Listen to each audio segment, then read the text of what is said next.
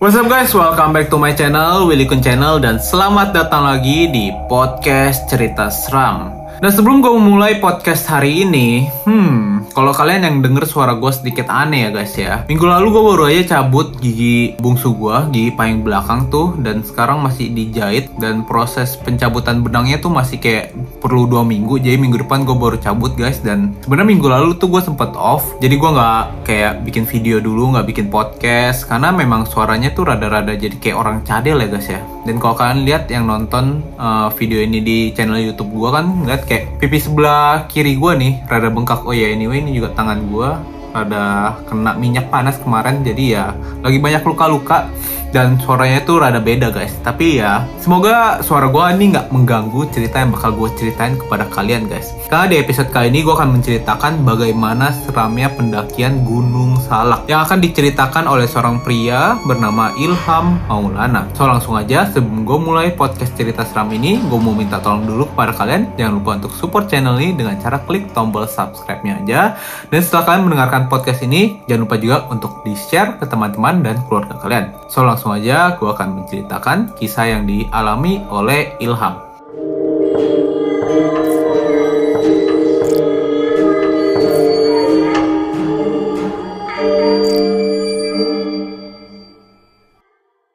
Jadi kisah ini diceritakan oleh seorang pria bernama Ilham Maulana, di mana muncul dari sebuah pertanyaan, adakah hal terseram yang ingin kamu bagikan? Nah, ini dia langsung bilang, cerita ini saya dapat dari pengalaman teman saya mendaki Gunung Salak. Pada saat itu, tepatnya bulan Oktober, teman saya sebut saja Dera pergi mendaki Gunung Salak untuk memperingati Hari Sumpah Pemuda bersama komunitasnya dan berbeda dengan pendakian sebelumnya. Kali ini lumayan lumayan banyak anggota yang ikut serta dalam pendakian ini. Karena jumlahnya banyak, lalu daerah berpikir semakin banyak maka semakin asik dan tentunya tidak akan takut tuturnya saat masih di base camp Gunung Salak. Meskipun gunung ini hanya berketinggian 2211 mdpl.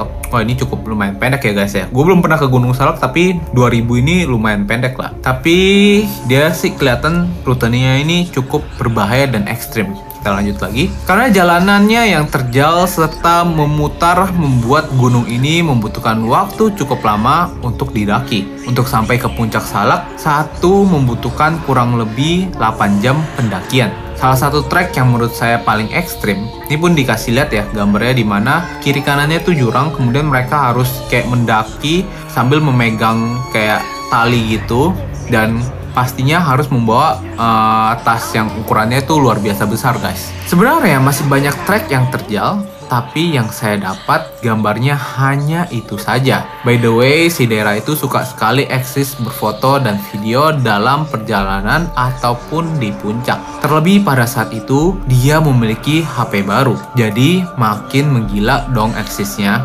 waka-waka. Dalam perjalanan menuju puncak bisa dikatakan aman dan lancar. Tidak ada kejadian aneh yang dirasakan Dera dan kelompoknya pada saat itu. Pukul 4 sore, ia berserta rombongannya telah sampai di puncak dan mulai membangun tenda. 6 tenda telah dibangun, Dera bersama yang lainnya mulai memasuki tenda untuk melepas lelah setelah 8 jam perjalanan. Di antara 6 tenda itu, satu tenda kosong untuk menyimpan tas dan alat-alat lainnya. Tenda Dera berisi 6 orang, si Dera suka eksis, ia mulai membuka kamera HP-nya, lalu membuat vlog di dalam tenda. Hai guys, gimana perjalanannya? Capek gak? Sambil mengarahkan kamera ke teman-temannya di dalam tenda. Kurang lebih seperti itulah percakapan isi vlog tersebut. Hari pun telah malam, pada saat Dera hendak tidur. Ia mengecek galeri video yang telah dibuat sebelumnya selama perjalanan. Video terakhir yang dibuat Dera yaitu pada saat di dalam tenda. Kemudian dia mengklik video itu dan ia melihat ada sosok yang seram ter merekam kamera yang berada persis di dekatnya, di dalam tenda pastinya. Wajahnya rusak parah dan miring sambil tersenyum melirik kamera itu. Dianya ikut ngevlog guys, waka-waka. Karena Dera tidak mau takut sendiri, ia kemudian memberitahu kepada temannya yang ada di dalam tenda bersamanya. Jangan ditiru ya guys, Dera memang orangnya penakut. Setelah temannya mengetahui, mereka pun ikut takut dan berpikir bahwa sosok tersebut masih ada di dalam tenda. Tak lama mereka pun langsung memutuskan untuk pindah ke tenda yang berisi tas dan barang lainnya. Belum cukup sampai di situ aja ceritanya guys. Ternyata bukan hanya tenda Sidera yang berisikan makhluk halus. Ada juga anggota dari kelompok lain yang mengaku bahwa ia melihat sosok pocong yang wajahnya gosong di dalam tendanya. Mereka pun bingung ingin melanjutkan tidur di situ atau tidak. Lalu percakapan anggota tersebut terdengar oleh senior kelompok Dera. Sebut saja Kang Denny. Kang Denny, Ada apa nih? Ribut-ribut. Maaf Kang, tadi saya melihat sosok pocong di dalam tenda, jadi bingung mau tidur di situ atau tidak. Ya udah, kalau takut tidur di situ, tidur di tenda ini aja. tenda yang sebelumnya ditempatin si Dera. Lalu mereka pun pindah ke tenda yang sebelumnya ada sosok makhluk halus yang dilihat si Dera. By the way, si Kang Denny tidak tahu tenda itu bekas si Dera ngeliat gituan. Lanjut, beberapa jam setelah kejadian itu, si Dera aman dan yang tidur di tenda bekas si Dera juga aman karena tidak tahu apa-apa. Waktu menunjukkan jam satu malam, kemudian datanglah senior dari kelompok lain, sebut saja Kang Firman. Kang Firman itu sikapnya congkak, jadi kepada hantu juga bisa dibilang ia tidak takut. Saat itu, ia bingung mau tidur di mana karena tenda lainnya sudah penuh. Lalu, Kang Denny menyarankan untuk tidur di tenda yang sebelumnya berisi pocong. Kang Firman pun tidur di tenda itu tanpa diberitahu Kang Denny asal usul tenda tersebut kosong. Emang jahil banget dah si Kang Denny ini. Setelah pagi harinya, Kang Firman pun bercerita bahwa ia bermimpi dipeluk pocong. Kang Denny cekikikan saja. Mungkin saja itu bukan mimpi. Lanjut ke kasus Dera. Video itu lalu ditunjuk ke semua teman komunitasnya. Karena HP-nya Dera iPhone, maka bisa dikatakan cukup sulit berbagi ke Android. Harus ke iPhone lagi. Lalu salah satu anggota menyarankan copy paste lewat laptop saja. Tetap saja tidak bisa di copy video tersebut. Kemudian, setelah sampai kembali ke base camp, HP Dera pecah dan tidak bisa dinyalakan lagi. Aneh bukan? Hmm. Saran saja bagi yang mau mendaki Gunung Salak. Nah, jangan sekali-kali meremehkan gunung ini dalam sudut pandang apa pun. Jaga sikap dan ucapan baik sebelum atau dalam perjalanan. Konon, jika melihat nenek-nenek yang meminta tolong di perjalanan, tolonglah dia. Jika tidak, maka kalian akan tersesat. Yang keempat, jika melihat sungai yang di seberangnya terdapat dua pohon besar, ketahuilah kalian sedang tersesat pada saat itu.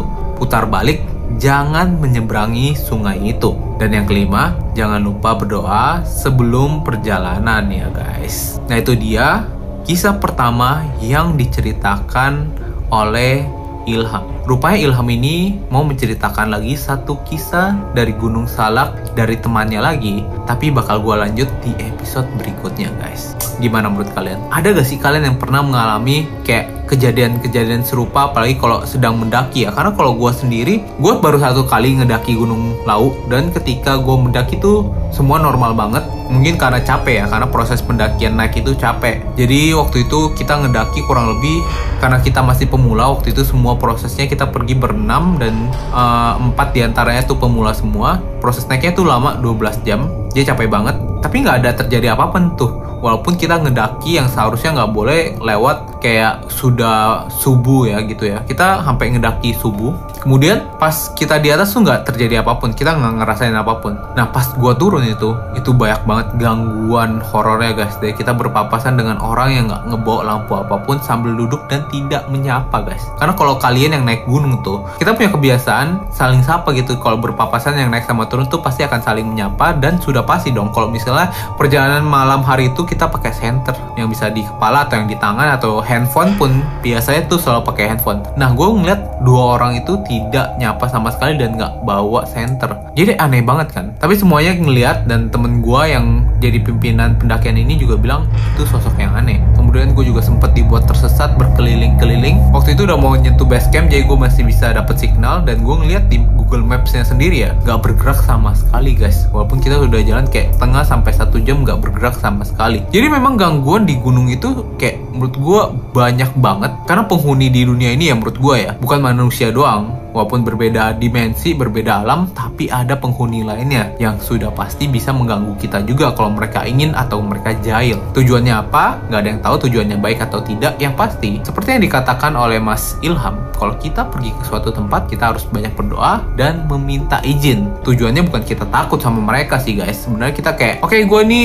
orang baru yang mau lewat tempat ini, sorry gue mau lewat gitu, jangan ganggu dulu ya. Bukan kita takut, tapi kita saling menghormati aja lah sebagai sama-sama makhluk yang menghuni dunia ini guys. So itu dia kisah dari Mas Ilham. Gimana menurut kalian? Coba tinggal mendapat kalian di kolom komentar ya guys ya. Jangan lupa juga untuk selalu support channel ini dengan cara klik tombol subscribe-nya aja. Dan jangan lupa juga sekarang saatnya kalian share podcast ini ke teman-teman kalian juga. So itu dia video hari ini guys. Thank you guys for watching and listening podcast cerita seram. See you guys di next episode.